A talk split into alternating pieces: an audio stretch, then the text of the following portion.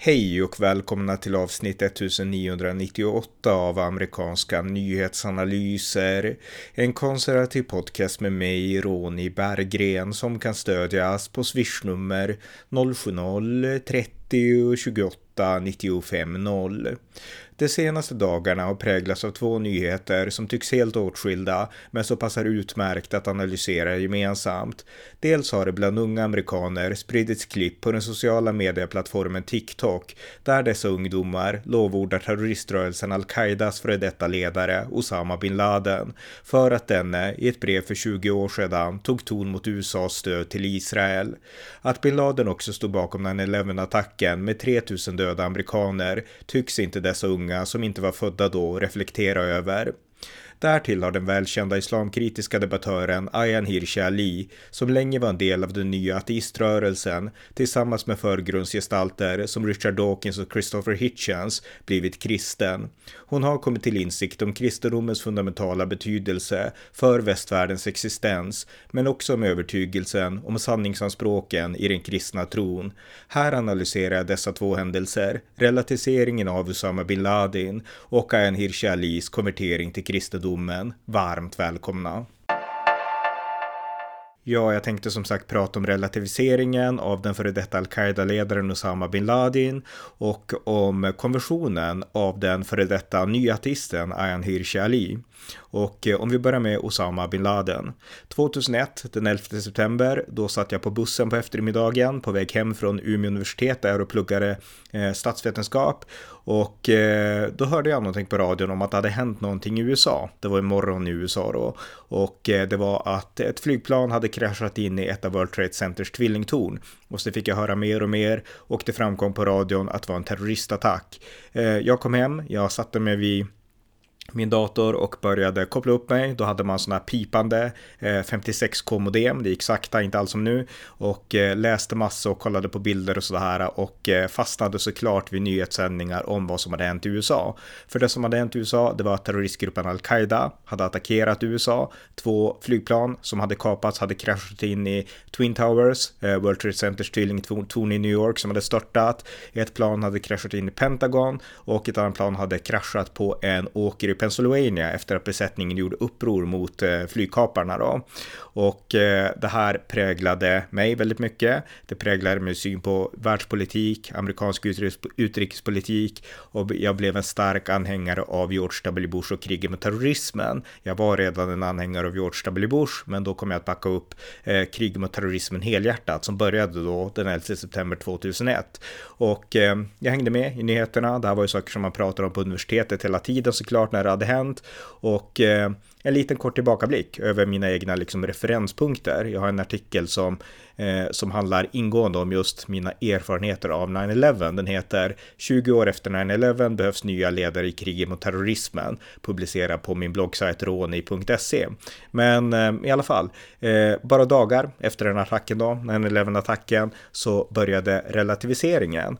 Och där och då så var det så att jag forskade eh, om eh, Eh, ja, närmare bestämt om nynazistisk asatro i USA och i samband med det så hade jag prenumererade på olika nyhetsbrev. Och det fanns en vit separatistorganisation då, finns inte nu längre, eh, William Pierces National Alliance. Och eh, dagen efter, jag tror två dagar efter, så fick jag ett eh, e-mail eh, från National Alliance, då, ett nyhetsbrev från dem. Och eh, där stod det då att eh, eh, ja, det kommenterades då, 9-11-attacken, och så stod det i brevet att the Jewish cause is not America's cause. Och eh, det betyder alltså att eh, eh, National Alliance ville få sagt att det här har hänt på grund av att eh, USA stöder judarna och stöder Israel. Det är därför muslimerna, Osama bin Laden, har attackerat USA. Om vi bara inte stödde Israel så skulle inte vi ha blivit attackerade. Det var alltså den här vitmaktorganisationens slutsats. Det här beror på, det är muslimerna som har gjort det, men det beror på att vi stödjer judarna. Om vi bara kan låta bli att stödja judarna så kommer muslimerna inte att attackera oss. Det var National Alliance budskap som jag fick i min, ja, i min e-post då bara dagen efter.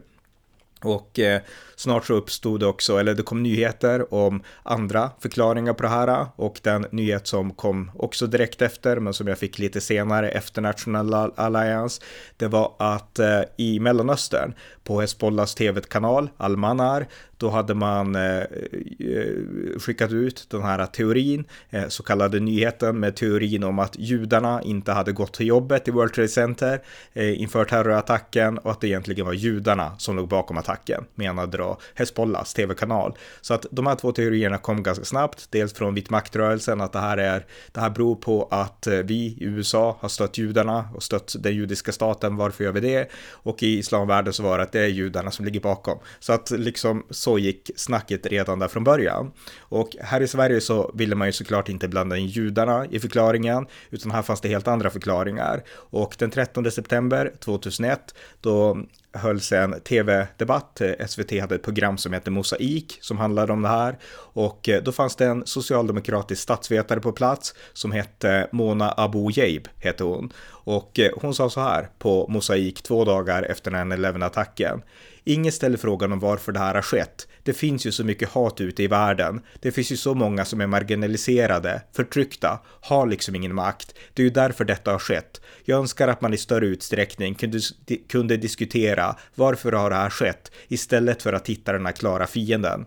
Så sa socialdemokraten Mona Abu Jeib två dagar efter 9-11-attacken. Alltså det här är ju den typiska vänsterförklaringen. Att allt som sker mm, av så kallad ondska i deras värld, det beror egentligen på orättvisor. Så det var den förklaringen. Och eh, under åren så fortsatte så kom det ju hela tiden olika förklaringar. USA var väldigt tydliga. USA leddes ju av George W. Bush, min favoritpresident, som förklarade War on Terror. Och eh, han var inte diffus, man kanske kan tro det, men han var väldigt tydlig med att det här var en islamisk fiende som han vid ett tillfälle kallade, kallade för islamofascism. Och den här fienden fanns över hela världen. Sen separerade han och sa att det här är inte hela islam och eh, de här har kapat islam, sa han. Och av islamkritiker senare så fick han mycket kritik för det. Men Bush var helt tydlig med att det här var en islamisk fiende som använde islam för att motivera sitt våld. Ingen snack om den saken. Och mot dem så förklarade USA krig, War on Terror. Så att det var det officiella kriget. Vi bekämpar islam och fascism. Inte all islam, men de här fascistiska elementen. Och från sidorna, från alla Bush-kritiker, från alla vänsterhåll och även från nyliberalt håll så kom andra förklaringar. Ja, men det beror säkert på någonting annat. Och eh, den här socialdemokraten, hon hade sin förklaring. Det beror egentligen på orättvisorna i världen. Eh, den andra vänsterförklaringen kom också och det var då att när då eh, The War on Terror hade kommit igång, när USA ledde militära operationer i Afghanistan och sen Irak, då var den andra förklaringen att det här beror på amerikansk imperialism, också en klassisk vänsterförklaring. Och de teserna drevs av dels Noam Chomsky såklart, den här klassiska vänster Eh, teoretikern, men även i mjukare tappning av sådana som Michael Moore. Han kom ju med film inför presidentvalet 2004, Fahrenheit 9-11, när han drev då att det här är, handlar om imperialism och att USA vill erövra olja och så, sådana saker. Vi har också Mattias Gardell, ganska omtalad idag, men en vänsterakademiker som jag också hade som lärare, gästlärare i olika sammanhang. Han skrev 2005 en bok som heter eh, Bin Laden i våra hjärtan och eh, det är en ganska provokativ rubrik, passar honom i och för sig, han gillar att göra sånt. Men, men innehållet där, kontentan, det var att han kom på den rubriken därför att han ställde sig frågan, vart finns bin Laden? Jag återberättar det här från minnet, det var länge sedan jag läste boken, men han ställde den frågan inför en klass där han höll en föreläsning och eh, det här var ju på tiden när alla jagade bin Laden, eller i alla fall USA och de allierade till Afghanistan, därför att bin Laden gömdes i någon grotta, Tora Bora-grottan eller vart det kunde vara. Det vart en het diskussion i presidentvalet mellan republikanernas kandidat George W. Bush och Demokraternas kandidat John Kerry om den saken, Tora Bora här och där. Men hur som helst, alla letade bin Laden och eh, Mattias Gardell ställde frågan, vart finns bin Laden? Och då var det en ung latinatjej i Sverige, tror jag, som reste sig upp och sa att han finns i våra hjärtan. Och eh, det var så Mattias Gardell kom på titeln till sin bok Bin Laden i våra hjärtan. Men det visar också att även han vill utmåla bin Laden som någon slags eh, Che Guevara med skägg i muslimsk tappning som skulle på något sätt vara en hjälte i kampen mot den amerikanska imperialismen. Också det väldigt typiskt Mattias Gardell. Eh, så att det var vänsterförklaringarna, orättvisor och amerikansk imperialism. Det var det som låg bakom 9-11-attacken. Sen kom det också djupare konspirationer. 2004 så släppte den amerikanska rap, eh, den amerikanska rapartisten Immortal Teknik, han släppte en låt som heter Bin Laden helt enkelt. Och eh, där var andra eh, artister med, Mos Def och i viss mån Eminem. Och eh, de sjöng så här, Bin Laden didn't blow up the project. It was you nigga. It was you. Bush knocked down the towers. Och eh, jag kan inte rappa och jag kan inte sjunga så att jag nöjer mig med det citaten. Men Immortal Teknik, de eh, rappade, sjöng alltså om att eh, det var inte Bin Laden som sprängde tornen, alltså World Trade Center, utan det var Bush som knockade ner, alltså som sprängde tornen. Och den här teorin, en konspirationsteori, skulle ju få ett enormt uppsving några år senare, 2006, när ett par ungdomar i New York skulle släppa filmen Loose Change, där man då hade klippt ihop massa olika scener och kastade ut teorin att det här var ett insiderjobb och att det var egentligen inte flygplan som flög in. Och sen så kom det olika varianter av de här teorierna, att var det egentligen explosioner eller var det eh, missiler som flög in i tornen och så, men det var inte flygplan och eh, var att Bush låg bakom och det här var ett insiderjobb, det var kontentan. Och eh, det har ju både uppdaterats och det bunkats i olika, eh, olika varianter sedan dess ungefär. Idag så har ju de här teorierna egentligen inget inflytande, men de var jättepoppis då för eh, 15 år sedan typ. Ehm, så att de förklaringarna kom, det var sidoförklaringar. Sen fanns det också helt andra liksom, tankar kring det här och tankar kring personer bin Laden. Eh, 2007 så besökte jag eh, moskén, eller då var det bara en bönelokal, men det som sen blev moskén i Örebro, eh, mängder av salafister där och eh, jag samtalade då med svenska muslimer och eh, pratade om Osama bin Laden och jag frågade liksom att hur tänker ni om Osama bin Laden? Och eh, då sa de att eh, bin Laden gjorde fel, och då tänker man att vad bra, ni stöder inte bin Laden för att alla fattar att han gjorde fel. Det är ju fruktansvärt liksom att han har dödat civila, att han har attackerat USA. Så tänker man som svensk. Eh, men motiveringen var inte att felet var att han hade attackerat USA eller att han hade drivit jihad. Utan felet som bin Laden hade gjort, enligt de här eh, salafi-muslimerna kan man ändå säga, det var att eh, han hade förklarat jihad utan att vara kalif. Därför att i islamisk teologi så är det bara eh, egentligen en kalif, alltså den som leder den islamiska umman, som har rätt att förklara jihad. En vanlig individ kan inte göra det. Och eh, bin Laden var i deras värld bara en vanlig individ. Han var inte kalif och därför gjorde han fel. Alltså han gjorde inte fel för att han attackerade USA för att 3000 amerikaner dog eller för att han liksom, liksom deltog i jihad. Eller just han gjorde inte det personligen, men att han beordrade folk att göra det. Utan felet var att han inte hade auktoriteten, legitimiteten eh, som en kalif ska ha för att driva jihad. Och det ironiska är, det var att några år senare så uppstod Islamiska staten och det var väldigt många från Örebros Salafi-miljö som anslöt sig till Islamiska staten och gjorde jihad. För Islamiska staten hade ju en kalif, eh, Abu Bakr eh, al-Baghdadi. Och eh, han var ju en riktig kalif då deras värld, i motsats till bin Laden. Men det var rätt intressant att de hade den synen på bin Laden. Att han, ja, han gjorde fel, men inte utifrån de premisser vi i väst har för varför han gjorde fel, utan för att han inte var kalif. Rätt intressant. Så att den förklaringen fanns också. Eh, parallellt med allt det här med att jag besökte olika muslimska miljöer, jag har skrivit en hel del om det, där under War on Terror, så pluggade jag också på universitetet i Umeå och eh, där så kom vänsterakademikerna, eh, akademikerna, eh, dels Mattias Gardell som jag hade som gästlärare, men även Mohammed Farsel Hashemeh som också var, som var lärare i Umeå när jag pluggade, som relativiserade kriget mot terrorismen. Jag pluggade en kurs i isma, is, islamologi och då hade jag en lärare som sa att om det är bara en sak som ni ska komma ihåg från den här kursen, då är det att ni inte, inte ska tro på kriget mot terrorismen, sa den här läraren. Så att det var en helt totalt eh, vänster och islamapologetisk miljö i den akademiska världen som jag i mångt och mycket gjorde upp med.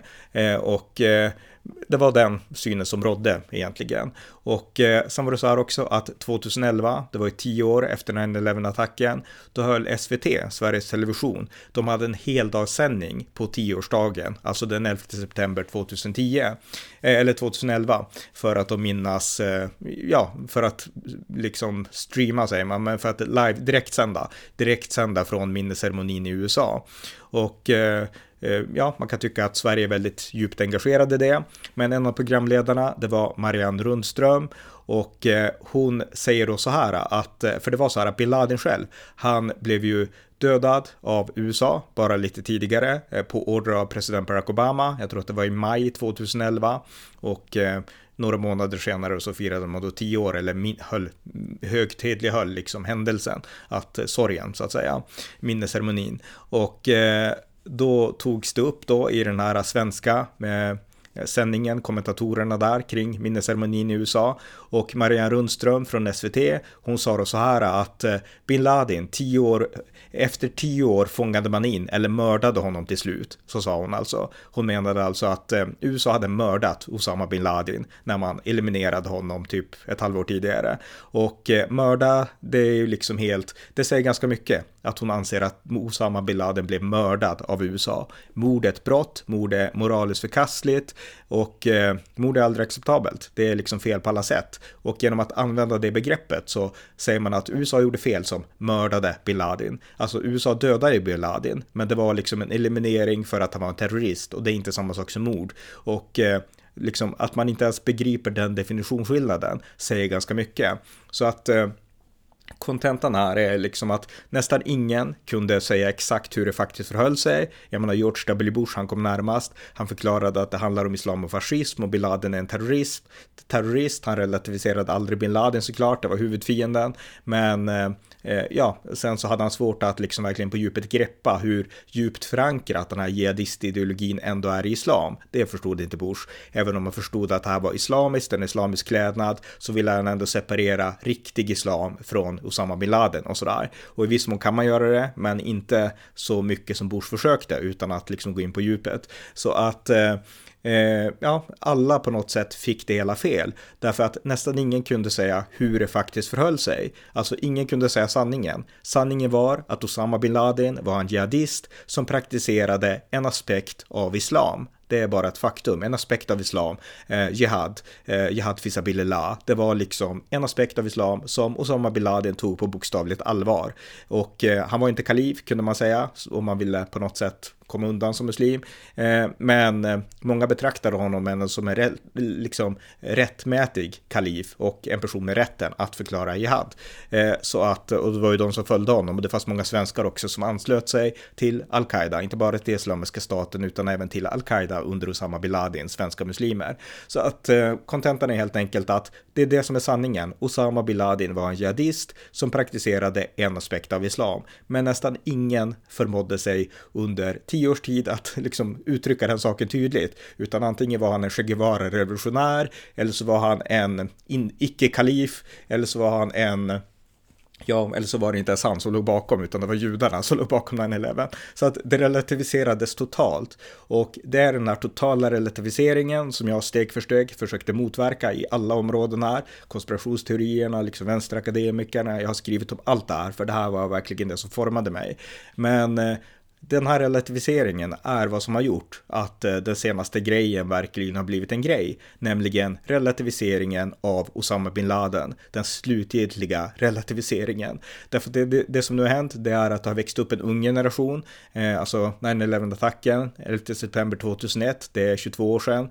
Eh, det finns en helt ny generation som inte har några som helst minnen av den attacken, som inte ens var födda då och som föddes alltså långt senare och som är vuxna idag. Och eh, de minns inte det här. Och eh, det har nu snappats upp på TikTok att Osama bin Laden skrev ett brev till USA 2002, alltså ett år efter terroristattacken, Letter to America. Och eh, där så skriver bin Laden, det som jag var inne på lite tidigare, att USA är judarnas tjänare och att eh, USA stöder eh, palestinierna och eh, man skadar muslimer. Och eh, väldigt många på TikTok, unga amerikaner som säkerligen i USA, för så är det ju ändå i USA, där växer man upp med att USA är de goda och bin Laden var ond och 9-11 attacken och så. Man kanske inte har några egna minnen, men man matas med det narrativet. Och när man då som ung amerikan läser det här brevet och får ett helt nytt perspektiv, då blir det en ögonöppnare. Och då kan man säga, oj, jag hade fel. Jag hade fel om det här och jag hade fel om kristendomen, jag hade fel om USAs plats i världen. Och det är exakt så väldigt många unga amerikaner har reagerat. Och de har lagt ut videos på TikTok där de säger saker som att eh, när jag läste bin Ladens brev så insåg jag att jag har blivit, eh, ja, jag har levt i lögn hela mitt liv. Och eh, de säger saker som att eh, det här visar att USA är en plåga för världen och att allt det här med terrorism var lögn, alltså mängder av sådana saker. Den som vill kan gå in och titta på TikTok eller på YouTube eller överallt finns det i sociala medier vad de här ungdomarna som har läst bin Ladens Letter to America säger. Så att nu har vi liksom nått cirkelns slut, hoppas jag i alla fall, man vet väl aldrig. Men cirkeln slut när hela den här relativiseringen som började redan den 11 september 2001 är fullbordad. Nu är det inte bara att det var inte bin Laden, det var bin Laden en Che Guevara, utan nu är det till och med att bin Laden är en hjälte.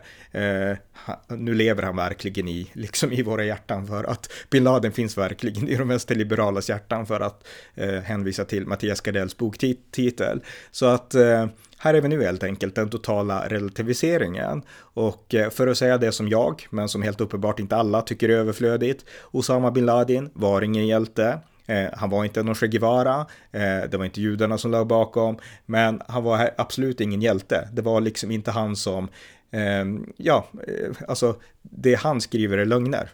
och den officiella amerikanska berättelsen även om det kan vara hippt att ifrågasätta allt man lär sig och även om det kan vara sunt också att inte ta liksom lärdomar för givet utan tänka själv och så, så är inte det här som de här unga liksom ger uttryck för på TikTok ett eh, tecken på att de har djup kunskap eller sådana saker, utan det är tecken på att de bara reagerar tvärtom som unga kan göra. De lär sig något och de vill vara på tvärs eller de har en föreställning och sen har de lärt sig att man ska vara kritisk och självkritisk och så får de en ny och så tar de den som den absoluta sanningen. Så att sanningen är inte något av det här, utan sanningen är att Bin Laden var en jihadist, han är det fortfarande oavsett upptäckten av Letter to America och eh, att han eliminerades, inte mördades, det var helt rätt av USA. Det var en av de få saker eh, Barack Obama gjorde bra som president, att han eliminerade al-Qaidas ledare Osama bin Laden. Och eh, Osama bin Laden var ansvarig för 3000 döda amerikaner, den värsta terroristattacken i USAs historia med möjligtvis undantag för Pearl Harbor om man ska säga att det var en terroristattack.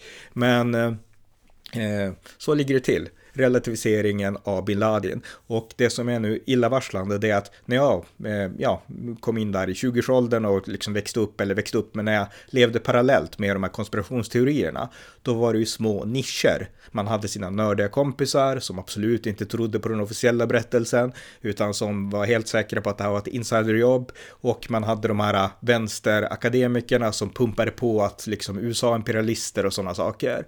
Och eh, de var liksom, det var inte en stor majoritet, alltså vänstern var väl större då kanske än konspirationsteoretikerna, men det var ändå små nischade grupper och du måste vara liksom lite nischat nördigt intresserad. Det som har hänt nu med den här senaste relativiseringen, det är att det sprids bland unga som inte alls är nördigt intresserade, utan de läser bara eh, Bill Ladens Letter to America och tycker att oj, det här är ju liksom, titta han har rätt, det här är liksom motsatsen till allt jag har lärt mig. Så att nu har det blivit ett massfenomen. Och det har kunnat bli ett massfenomen därför att den här unga, unga generationen, amerikaner och kanske i synnerhet, har eh, växt upp i en värld av total eh, värderelativism, postmodernism, värderelativism, där de inte har lärt sig liksom att det finns några existerande sanningar utan att allt ska ifrågasättas. Det är det som har lett fram till att man kan till slut relativisera Osama bin Laden. Och det för oss över till nästa sak, för det är då alltså att Ayan Hirsi Ali eh, har konverterat till kristendomen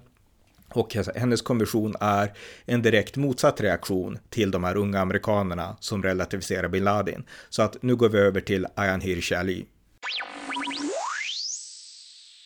En annan person som också påverkades starkt av 9-11-attacken den 11 september 2001, det var Ayan Hirsi Ali. Det var den 11 september-attacken som gjorde att hon övergick från att vara muslim till att bli ateist.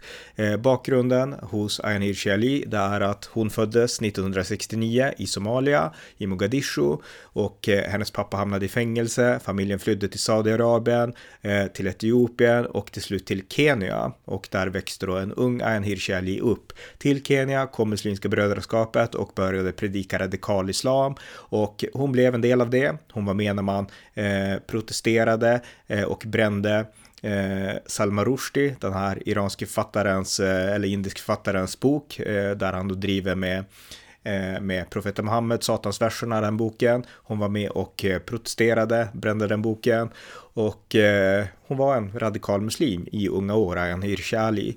Eh, sen var det så här att hon flydde från ett tvångsäktenskap och eh, 1992 så kom hon till Europa, till Nederländerna och eh, hon Eh, Eh, blev väldigt snabbt engagerad i det akademiska, hon började studera och hon började utforska på ett sätt som hon inte kunde i sin tidigare islamiska miljö.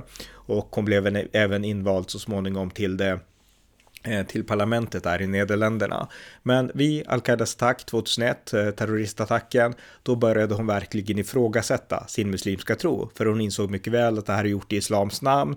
Och även om ingen vill sätta fingret på saken så vet jag att det här jihad, det finns inom islam och jag vill inte vara en del av det. Så att hon blev ateist och hon eh, läste olika texter och hon kom i kontakt med den här nya ateiströrelsen eh, några år senare då. Men hon fick en vän i alla fall i Nederländerna som hette Theo van Gogh, eh, släkting till artisten.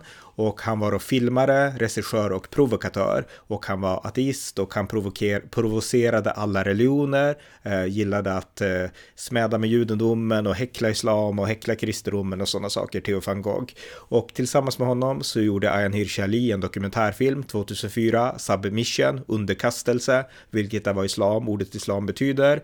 Och i den filmen så är det en kvinna, det är inte Ayan Hirsi Ali, men en skådespelerska som är naken och som har olika koranord eh, intatuerade på kroppen som då beskriver eh, Koranens syn på kvinnor, alltså nedlåtande syn. Och den här filmen gjordes då för att protestera mot kvinnoförtrycket inom islam som Ayan Hirshali hade sett på nära håll. Eh, och eh, den filmen gjordes och eh, de utsattes för många dödshot och eh, Theo van Gogh, han vart mördad av en muslim Eh, 2004. Eh, Mohammed Boyeri, eh, han cyklade på en gata i Amsterdam, eh, blev skjuten av den här radikala jihadisten, föll ner från cykeln och började ropa på hjälp och säga att nej, nej, vi kan prata om saken. Den här äh, islamisten då gick fram, högg honom med kniv och sen så satte han upp en lapp med en kniv i bröstet på honom där det också var ett hot mot Ayan Hirsi Ali. På rättegången som senare hölls så sa den här jihadisten då, han dömdes till livstid tror jag, att eh, han tittade då på den mördade Theo van Goghs mamma, Anne van Gogh tror jag hon hette, och han sa att äh, jag känner ingen sympati med dig för du är en otrogen, sa han.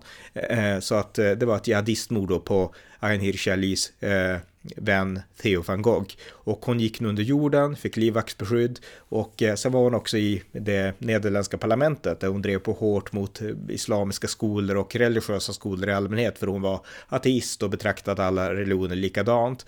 Eh, 2006 så flyttade hon till USA. Det var nämligen så här att en rival i parlamentet i Nederländerna ehm, menade att hon hade ljugit i sin eh, asylansökan och att hon egentligen inte hade flytt och sådana saker och det varit en lång diskussion om det och eh, eh, sådär. Men Ayan Hirsi hon åkte till USA 2006 och där började, han då, började hon då arbeta på American Enterprise Institute i Washington DC, den här tankesmedjan. Och eh, hon blev snabbt vän med de här eh, innepersonerna då. Christopher Hitchens, en känd ateist, han dog i cancer för typ tio år sedan. Men han, eh, han blev vän med Ayan Hirsi Eh, Eh, hon blev vän med Richard Dawkins, en av de mest kända i den här nyateistiska rörelsen, inspiration för de svenska humanisterna här i Sverige som vill då motverka eh, det man kallar då för religiös vidskepelse, där man då betraktar alla religioner som i grund och botten likadana, alltså vidskepelse och någonting som är antivetenskapligt och som ska motverkas. Och mycket fokus såklart på kristendomen, men absolut inte bara på kristendomen. Hon vart vän med dem och hon blev betraktad som en del av det här eh, nya ateistgänget. Vi har Sam Harris i USA också och Eh, hon, eh, ja, hon var en del av den rörelsen där och då. Och eh, hon blev omnämnd av Christopher Hitchens som en av de viktigaste rösterna från Afrika i den här liksom ateiströrelsen och sådär. Och jag minns ju alla de här. Jag är själv inte ateist, jag är kristen, men jag minns hur de här pratade, hur de snackade och liksom hur jargongen var. Och jag hade inte något jättebra intryck av Richard Dawkins, jag tror jag läste en av hans böcker. Christopher Hitchens hade jag lite mer respekt för, för vi har ett och samma Eh, vi hade samma inspirationskälla, ideologiska inspirationskälla, Thomas Jefferson, som jag formades av sen jag var tonåring och som han upptäckte lite senare i livet. Han har skrivit en bok om Thomas Jefferson som är sisådär, rätt bra på ett sätt, men också, alltså, eh, Christopher Hitchens problem, jag har skrivit om det här i en lång artikel, det är att när han analyserar Thomas Jefferson så gör han det utifrån sitt superateistiska perspektiv. Och Jefferson var deist, alltså han trodde sannolikt inte, han trodde absolut inte på liksom den här klassiska, de klassiska kristna doktrinerna. Eh, men han var ju öppen för att det fanns en skapare, han skrev det i liksom Declaration of Independence. Så att han var deist, Thomas Jefferson. Men samtidigt så går det inte att förstå Thomas Jefferson utan att förstå att han ändå hade stor respekt för kristendomen i synnerhet på ett sätt som Christopher Hitchens inte hade. Så att eh, Christopher Hitchens, han har, det finns glapp i hans sätt att analysera Thomas Jefferson. Eh, kan komma tillbaka till det. Men han var en del av den nya ateiströrelsen och han var vän då med Hirsi Ali. Så att hon var verkligen en eh, skyltdocka i det här nyateistiska fönstret när ateism var så poppis. Eh, 2011, hon skrev också många böcker. 2011 så gifte hon sig med Neil Ferguson, eh, brittisk historiker och eh, 2013 så blev hon amerikansk medborgare. Och eh, som sagt, hon skrev många böcker då som handlade om islamkritik i mångt och mycket och de här böckerna de blev också översatta på svenska därför att det har blivit ganska mycket skriverier även i Sverige om Ayan Hirshali efter då att hon hade fått gå under jorden i samband med mordet på sin vän och Theo van Gogh. Och eh, en av hennes första böcker som kom ut på svenska, den hette på, på, på svenska hette den Kräver rätt, kvinnor, islam och en bättre värld. Och där handlar det om då, alltså eh, islams eh, hot mot kvinnor ungefär, jag har inte läst den. Så att eh, hon översattes till svenska, hon vart intervjuad i Sverige, 2006 vart hon intervjuad av Lars Adaktusson eh, och eh, intervjuad gång på gång. Och det var via henne som jag upptäckte Neil Ferguson ska sägas. Han är ju en väldigt intressant historiker och jag upptäckte honom 2013 därför att jag hade magasinet Neo, jag tror att det var Paulina Neuding som var redaktör där hon hade, eller någon annan av hennes kollegor, hade intervjuat Neil Ferguson och eh, då stod det att han var gift med en Hirshali och jag visste vem hon var för henne hade jag följt i ja, ganska länge då, tio år ungefär då. Men eh, jag visste inte vem han var så att jag tänkte, har han gift med henne, vem kan det vara? Och så läste jag om honom, upptäckte honom. Jätteintressant. Eh, men i alla fall, hon fortsatte skriva böcker och eh, 2015 så släppte hon en bok som heter Heretic Why Islam Needs a Reformation Now. Och det var ju mycket prat då även dessförinnan om att islam måste reformeras. Det är felet med islam, att det inte är reformerat som kristendomen är. Eh, och det argumentet i sig är ganska dåligt därför att ja, katolicismen är inte reformerad. liksom. Ortodoxa kyrkan är inte reformerad. Reformationen var protestantisk och kristenheten är demokratisk även utanför protestantismen och eh, sådär. Men det var mycket prat om det och i sin bok Heretic som jag faktiskt har läst, så jag har inte läst alla hennes böcker men den har jag läst, så gör Ayan Hirshali distinktionen med det, det hon kallar eh, Mohammed i Medina och Mohammed i Mekka. Och då menar hon då, precis som, ja, så är det ju i Koranen också, att Mohammed var mycket mjukare när han var i Mekka innan han eh, gjorde sin hidra till Medina. Eh, han, han predikade då allmänt om att Gud fanns, att man skulle omvända sig, att tron var personlig. Och sen när han då blev statsledare i Medina några år senare, då kom de här sharia och hårda påbud och straff och sådana saker. Och eh, man måste på något sätt göra, där i finns fröet till en islamisk reformation, att muslimerna blir Mecka-muslimer, alltså som tar till sig Muhammeds budskap i Mecka men inte hans budskap i Medina, lite så ungefär. Och eh, ja, eh, den diskussionen kan vi gå in på vid ett annat tillfälle, men det är vad den boken handlar om. Och eh, hon promotar även den i Sverige. Hon var i Sverige och blev intervjuad av DN, av Erik Olsson. Och eh, då sa hon så här att Lars Vilks, som då var väldigt kontroversiell, han har ju fått en slags hjältestatus nu i Sverige för att han dog och för ja, alla hot han fick och så, men när han gjorde sin rodellhund där 2006, då var han ju avskydd av väldigt många, inte bara av islamister utan av vanliga svenskar som tyckte han provocerar. Ehm, värst ut var ju Teppas Fågelberg som eh, skrev en text om att han ville att man skulle livesända stormningen av Lars Vilks hus på YouTube och att han fick skylla sig själv ungefär för att han provocerar liksom. Så att eh, Lars Vilks, han vart ju väldigt mycket hånad, men Ayan Hirsch Ali, hon tog Lars Vilks i försvar och hon sa så här till DN, Lars Vilks är en hjälte för mig, jag tror inte för ett ögonblick att han är islamofob, eh, att han vaknade en morgon best och bestämde sig för att börja skända muslimer. Han prövar gränserna för debatten och för sitt konstnärskap och betalar ett mycket högt pris för det ni borde vara stolta över honom, sa Ayan Hirsi Ali till Sverige 2015. Jättebra av henne. Eh, 2021 så släppte hon en annan bok som också översatts till svenska som heter Villebråd och den handlar då om eh, det nya kvinnoförtrycket som har växt fram i Europa. Och det kvinnoförtrycket eh, beror på invandringen, att vi har fått invandrare från en islamisk kultur inte minst, som har en helt annan kvinnosyn och föraktar västerländska kvinnor. Och hon intervjuades då av SvD, av Paulina Neuding, och då sa hon så här 2021, Ayan Hirshali, det svenskar behöver förstå är först och främst att det finns en väldigt stark korrelation mellan ökningen av sexualbrott som begås av okända förövare, särskilt i grupper om två eller fler, och migrationen. Det här var ju på en tid då när, eh, ja, det var inte lika inne då, några år tidigare var det ännu mer inne med just det här med gruppvåldtäkter och liknande. Eh, och eh, Ayan Hirsch är tydligt att ni måste förstå att det har en korrelation, alltså till migrationen där, och att det finns eh, helt enkelt en värld med andra värderingar som börjar komma in i Europa. Och eh, hon tog också upp islamism och eh, ja, så att eh, med islamisterna i Sverige så finns en infrastruktur som, som gör att eh, unga män delar in kvinnor i dåliga och bra kvinnor och, eh, och sådär. Så att eh, det är också en väldigt läsvärd intervju. Så att där har ni lite om Ayn Hirshali, Eh, en ateist som har varit en av de mest kända islamkritikerna i västvärlden och som har fått mycket uppmärksamhet överallt. Eh, och eh, då kom då beskedet häromdagen när hon skrev en text på eh, sajten Unheard och där så skrev hon då att eh, därför är jag kristen. Och eh, det är en lång text som jag rekommenderar alla, alla att läsa. Eh, rubriken är, för att hitta, för att få den korrekt, Why, Why I am now a Christian. Och eh, den skrevs då den 11 november på unheard.com. Eh, och eh, det är en lång och läsvärd text. Och eh, hon förklarar där, eh, återberättar sin, liksom, sin livsresa.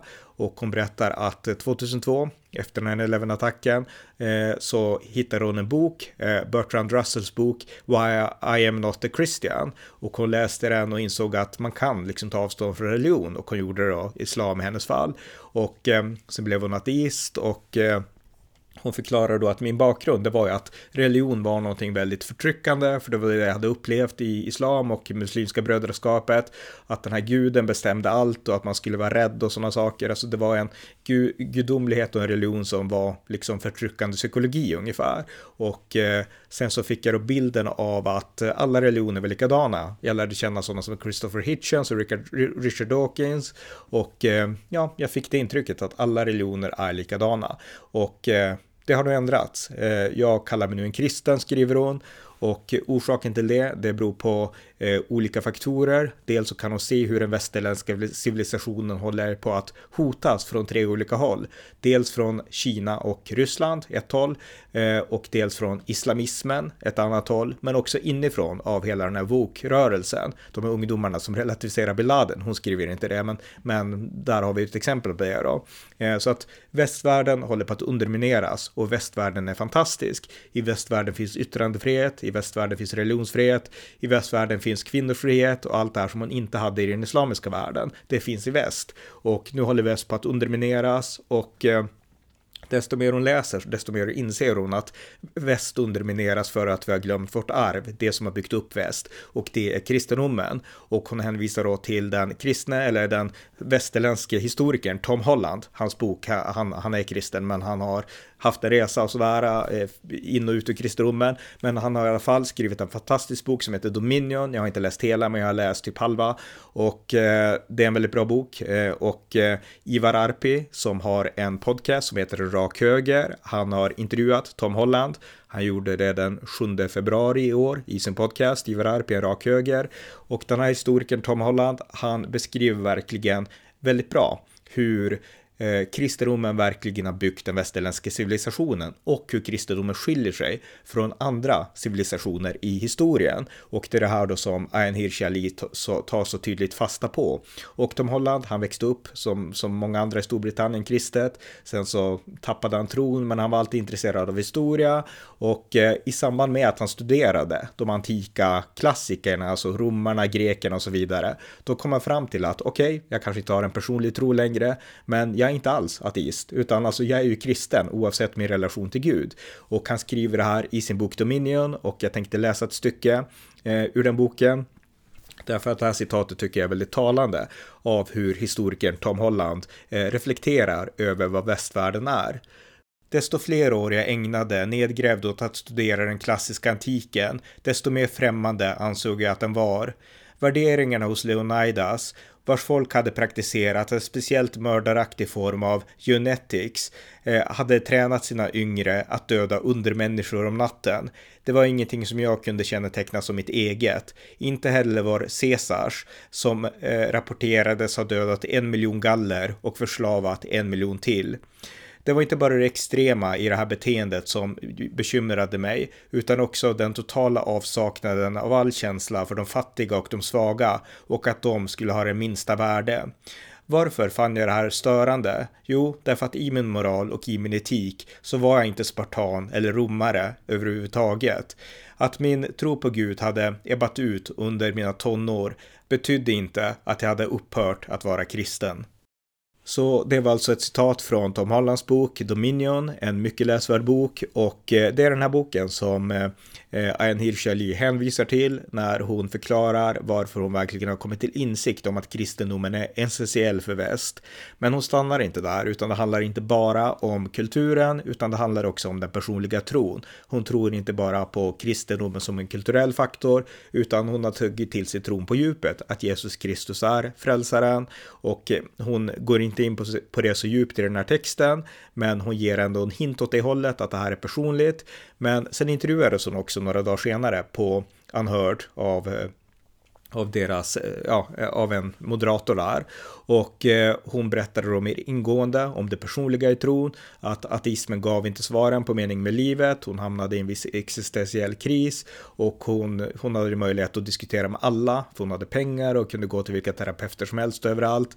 Eh, men ingen hade några bra svar och så sakta men säkert så insåg hon att eh, den kristna tron har svaren som behövs. Alltså man måste tänka på Gud på ett annat sätt än när hon var uppväxt och man måste förstå Gud på ett annat sätt än de här, eh, vad ska man säga, pojkmännen, de här nya artisterna, Christopher Hitchens och de här, hur de var som var mest som rockstjärnor, de blev likadant hela sina liv liksom.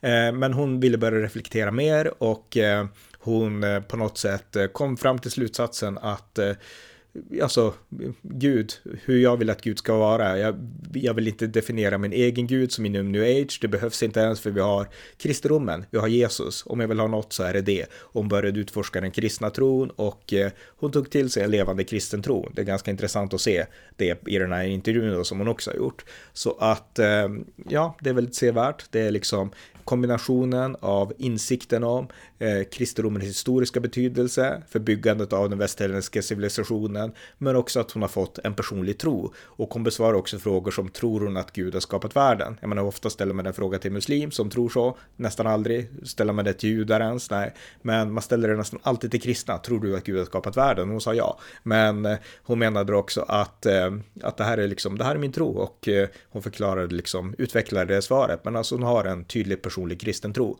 och sen är hon nu väldigt ny i den resan. Men det är jätteintressant tycker jag och eh, hon är inte den första eh, som gör sådana här resor från direkt ateism eh, till kristendom. En av de mest kända under 1900-talet. Ja, dels har vi ryssar som Alexander Solenskin och vi har amerikaner som Whitaker Chambers och så vidare som jag tycker väldigt bra om. Men den mest kända är såklart C.S. Lewis som var tydlig ateist men som sen blev kristen. Han samtalade med J.R.R. Tolkien som då var katolik och eh, han började reflektera över kristendomen och fick en djup personlig kristen tro och blev sen en av de främsta eh, apologeterna inom kristenheten och framförallt protestantisk kristenhet, C.S. Lewis. Och eh, jag skulle tro och eh, säga att eh, Alan Hirsch, Ayan Hirsch Ali som tänker utveckla den här texten som hon skrev på en hörd och skrev en bok, hon berättade det i den här intervjun, hon kommer att bli det 21 århundradets eh, version av C.S. Lewis skulle jag säga, som kan förklara kristendomen på ett intellektuellt sätt och eh, verkligen göra det på djupet utifrån självreflektioner, utifrån ödmjukhet, men ändå förklara sakligt varför den kristna tron är viktig, men också varför den är sann. Hon kommer förmodligen att bli en viktig kristendomsapologet, eh, Ayan Hirsi Ali. Och eh, hon bygger då vidare på andra som Tom Holland och liknande. Men det som sen skiljer henne från C.S. Lewis det är att hon också varnar för, för att när C.S. Lewis var levande och verksam på 50-60-talet och så vidare, då var ju ateism, det var verkligen den stora innediskursen, mycket mer än den här nya ateismen. Nya ateismen är i mångt och mycket, alltså Richard Dawkins och Christopher Hitchens och ja, Christer Sturmark och de här i Sverige, det är mångt och mycket ett gensvar på postmodernismen. Alltså att man ser att nu age växer fram, fundamentalistisk kristendom, islamism och man tänker vad håller på att hända? Vi måste liksom promota ateismen igen eh, som en slags nischad liksom subkultur som sen ska försöka få mer och mer utrymme. Det är det som nya ateismen är. Men på 60-talet, då var ateismen, det var verkligen den dominerade diskursen i hela väst. Inte lika mycket i USA, men definitivt i Europa. Och eh, det var ju liksom ateism och socialism och eh, var man kristen så var det ju liksom där man fick ta debatten, liksom, liksom Gud, finns ens Gud liksom. Och den debatten tog C.S. Lewis och det var den som var liksom den tidens stora liksom skärningspunkt för kristna att debattera. Men däremot behövde C.S. Lewis aldrig debattera liksom den västerländska civilisationens fall, utan väst stod ju på höjden av dominans, islam var ingenting då, eh, det var, alltså islamiska fundamentalister fanns knappt, muslimska brödraskapet var en pytterörelse, väst dominerade exakt överallt, även om det var avkolonisering så var det väst som satte agendan precis överallt och ett kallt krig också, men de hade ju samma syn på vetenskap och liksom sådana här saker och ateism och så. Men det var väst som dominerade och eh, C.S. Lewis behövde inte ta den debatten. Det som skiljer eh, C.S. Lewis tid från den tid som Ayan Hirsch Ali är verksam i och det som hon kommer att förmodligen engagera sig i framåt, det är att nu håller västvärlden på att falla. Alltså den västerländska civilisationen vandrar på en landgång ner mot avgrunden, ner mot stupet, på väg att trilla över ner i det här mörka havet med blodtörstiga hajar som är redo att slita sönder den västerländska civilisationen. Det är där vi är nu om vi inte vänder om och går tillbaka. Och eh, det är det som Ayn Hirsi Ali kommer att eh, kunna bidra på ett unikt sätt till, att verkligen förklara varför det är hög tid att ingjuta Eh, kristendomen igen i den västerländska civilisationen därför att den västerländska civilisationen bygger på kristendomen. Eh, Chesterton som också var kristen, britt, han sa ju att eh, Eh, Europe is the fate and the fate is Europe. Alltså det går inte att skilja Europa från kristendomen. Men det är exakt det som har försökt göras av socialister i synnerhet, men även av nyliberaler de senaste årtiondena eller det senaste århundradet. Och det börjar nu nå vägs ände, därför att det har lett till islamisering, islamism och vi har tappat våra egna rötter. Det är många som har pratat om det här. Och det behövs en motkraft och Ann Hirschali anser tydligt att det är kristendomen och eh, hon kan bli en av de främsta rösterna i det här. Och eh, det finns ju också andra, alltså hon nämner Tom Holland som en viktig person, men hon nämner också alltså att eh, Samuel Huntington, den här judiska akademikern från Harvard, som varnade eh, väldigt skarpt i mitten av 1990-talet att Europa kan inte öppna upp för islamisk massinvandring. För om Europa gör det så kommer Europa att förändras därför att den islamiska identiteten är mycket starkare än den europeiska och till och med den kristna. Så att eh, om Europa öppnar upp för massinvandring, då kommer Europa islamiseras. Och eh, han gav till och med där och då ett, eh, ja, ett test för det. För han visste att förmodligen kommer folk inte att lyssna och folk lyssnade mycket riktigt inte tyvärr. Men han sa att eh, Beviset för det här, det kommer att vara svaret på frågan om några årtionden. Eh, kommer Europa att påverkas mer av muslimerna som kommer hit än muslimerna som kommer hit kommer att påverkas av Europa? Och han var helt övertygad om att Europa kommer att påverkas mer av islam än islam kommer att påverkas av europeiska värderingar. För islam är mycket mer, alltså islam är en starkare religion, för det är liksom ja, det är liksom ett tydligt budskap, man, man ska tro absolut, man ska inte ifrågasätta, uppfostrar man människor så, då är det svårt att liksom få någonting, en syl i vädret ungefär i motsatt riktning. Så att eh, han hade rätt, eh, Samuel Huntington. Och det är exakt samma linje som Ayan Hirsi Ali är inne på. Och även innan hon blev kristen så insåg hon, precis som Samuel Huntington, att Eh, de här liberala krafterna, de har ingen, ingen chans alls. Samuel Huntington, han sa uttryckligen att Thomas Jefferson och John Locke, de är chanslösa mot Mohammed, finns inte en chans alls att de kan stå emot islam. Eh, den sista bastionen kommer att vara kristendomen, sa Samuel Huntington, därför att Jesus, han har åtminstone en fighting chance mot islam, därför att där finns ett budskap som kan locka muslimer, som kan förklara världen på ett sätt som muslimer kan förstå. Eh, ateismen kan det inte alls och så, och det, den linjen har ju liksom Ayn Hirsi Ali och även Neil Ferguson som hennes make var inne på under ganska lång tid. Men eh, eh nu har hon nu alltså gått steget vidare och även personligen tagit till sig den tron. Men kristendomen som den sista bastionen, det är liksom det som Ayan Hirschali eh, är inne på nu. Och hon eh, säger också att det hon vill överlämna till sina barn, det är den här civilisation som hon har fått förmånen att komma till, den västerländska civilisationen, som är liberal, som är frihetlig och så vidare.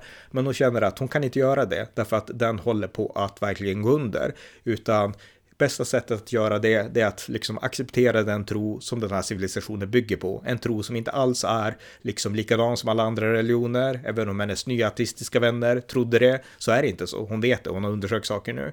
Så att eh, jätteintressant att se och följa Ayan Hirsi Ali. Och jag skulle säga då att det här steget, det här visar verkligen i kontrast till de här, den här unga generationen som har relativiserat Osama bin Laden och hamnat i det diket. Ayn Hirsi Ali, hon tar ett steg i exakt motsatt riktning. Alltså nu behöver vi inte dekonstruera kristendomen längre, så de här unga, Gen Z som man säger i USA, som de har lärt sig att göra, att vi ska dekonstruera kristendomen. Alltså poängen är att de kan ju inget om kristendomen, utan de har bara ärvt sina föräldrars fördomar och den här vänstergenerationen som fanns tidigare, deras fördomar om kristendomen. De kan inget om kristendomen.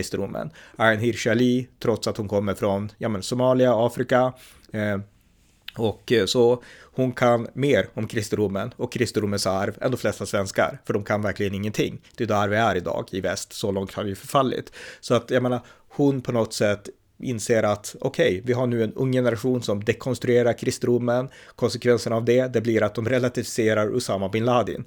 Och eh, vi behöver inte dekonstruera kristendomen, utan vi behöver återupptäcka kristendomen. Och det är det som Ayan Hirsi Ali vill göra. Och jag tycker att det här är jätteintressant och de här två sakerna måste verkligen ställas i perspektiv mot varandra. Och det är det som jag önskat göra i den här podden. Det ska bli otroligt spännande att följa Ayan Hirsi Ali i framtiden. Hon kommer att bli eh, skulle jag tro i alla fall, vår tids nästa, alltså vårt århundrades C.S. Lewis. Hon har potential att bli det i alla fall. Så att eh, fortsätt eh, följa henne, läs gärna hennes böcker och eh, se till att upptäcka Tom Holland. Lyssna på Ivar Arpis intervju med Tom Holland. För han har verkligen, han är inte ensam, det finns många andra också, men han har verkligen förmågan att ge de här aha-upplevelserna om man vill upptäcka kopplingen mellan kristendomen och väst.